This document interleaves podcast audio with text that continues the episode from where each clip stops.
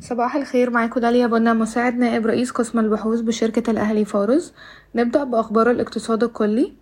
قالت وزارة التعاون الدولي إن البنك الأوروبي لإعادة الأعمار والتنمية سيقدم 532 مليون دولار في شكل تمويل ميسر للبنك الأهلي المصري وبنك مصر والمستثمر المؤثر Mediterranean Capital Partners.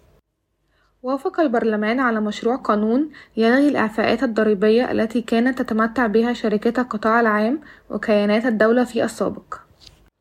تنهي الحكومة صرف سبعة فاصل خمسة مليار جنيه على سبعمية وخمسين مصدر كدفعة أولى من دعم الصادرات في إطار المرحلة السادسة من برنامج الدعم.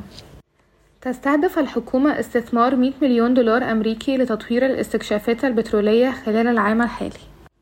تدرس شركة بلاك روك وهي شركة استثمارية متعددة الجنسيات. ضخ المزيد من الاستثمارات في السوق المصري بمحفظة تتجاوز تسعة تريليون دولار أمريكي. انخفض التضخم في الولايات المتحدة إلى 3% في يونيو وهي أبطأ وتيرة منذ مارس 2021 أما بالنسبة لأخبار القطاعات فقد أصدر البنك المركزي المصري إرشادات جديدة للبنوك الرقمية.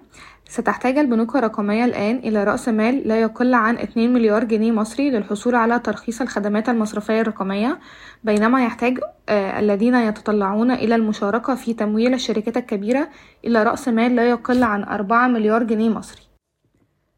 ويحتاجون إلى أن يكون أكبر مساهم لهم مؤسسة مالية ذات خبرة مماثلة بحد أدنى للملكية 30% من إجمالي رأس المال.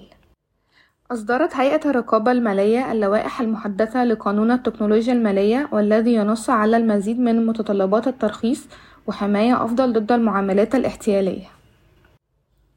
وفقا لوسائل الإعلام المحلية تستعد شركة أعمار مصر لإطلاق مرحلة جديدة في مشروعها بالساحل الشمالي سول حيث سيدفع المشترون الأجانب 100% من السعر الوحدة بالدولار الأمريكي وسيدفع المصريون المقيم المقيمون في الخارج عشرة في المية من سعر الوحدة بالدولار والباقي بالجنيه المصري. وفقا لوسائل الإعلام المحلية أعادت أوراسكوم للتنمية فتح ثلاثة من فنادقها في مرتفعات طابة تزامنا مع جهود الحكومة لتعزيز السياحة. وافقت شركة سيديكو للصناعات الدوائية على شراء كامل حصة الشركة العربية للصناعات الدوائية والمستلزمات الطبية أكاديما في UP Pharma التي تمتلك تسعة وتسعين فاصل تسعة في المية من أسهمها. يجري حاليا التقييم المالي لشركة UP Pharma بشرط زيادة حصة أكاديما في سيديكو بنفس قيمة صفقة UP Pharma والتي كانت قيمتها من قبل ما بين 700 ل 800 مليون جنيه مصري. يدرس تحالف استثماري صيني إقامة مجمع صناعي للأدوات الصحية في مصر باستثمارات 35 مليون دولار ومن المقرر تقديم طلب للحكومة في خلال شهرين.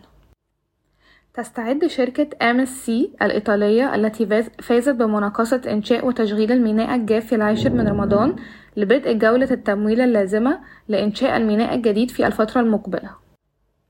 تقدم 11 تحالفا مصريا وعالميا لهيئة السكك الحديد المصرية للمشاركة في مناقصة تأهيل الشركات المتنافسة لتنفيذ مشروع تطوير لوجستيات التجارة على محور القاهرة الإسكندرية بتكلفة إجمالية حوالي 740 مليون دولار.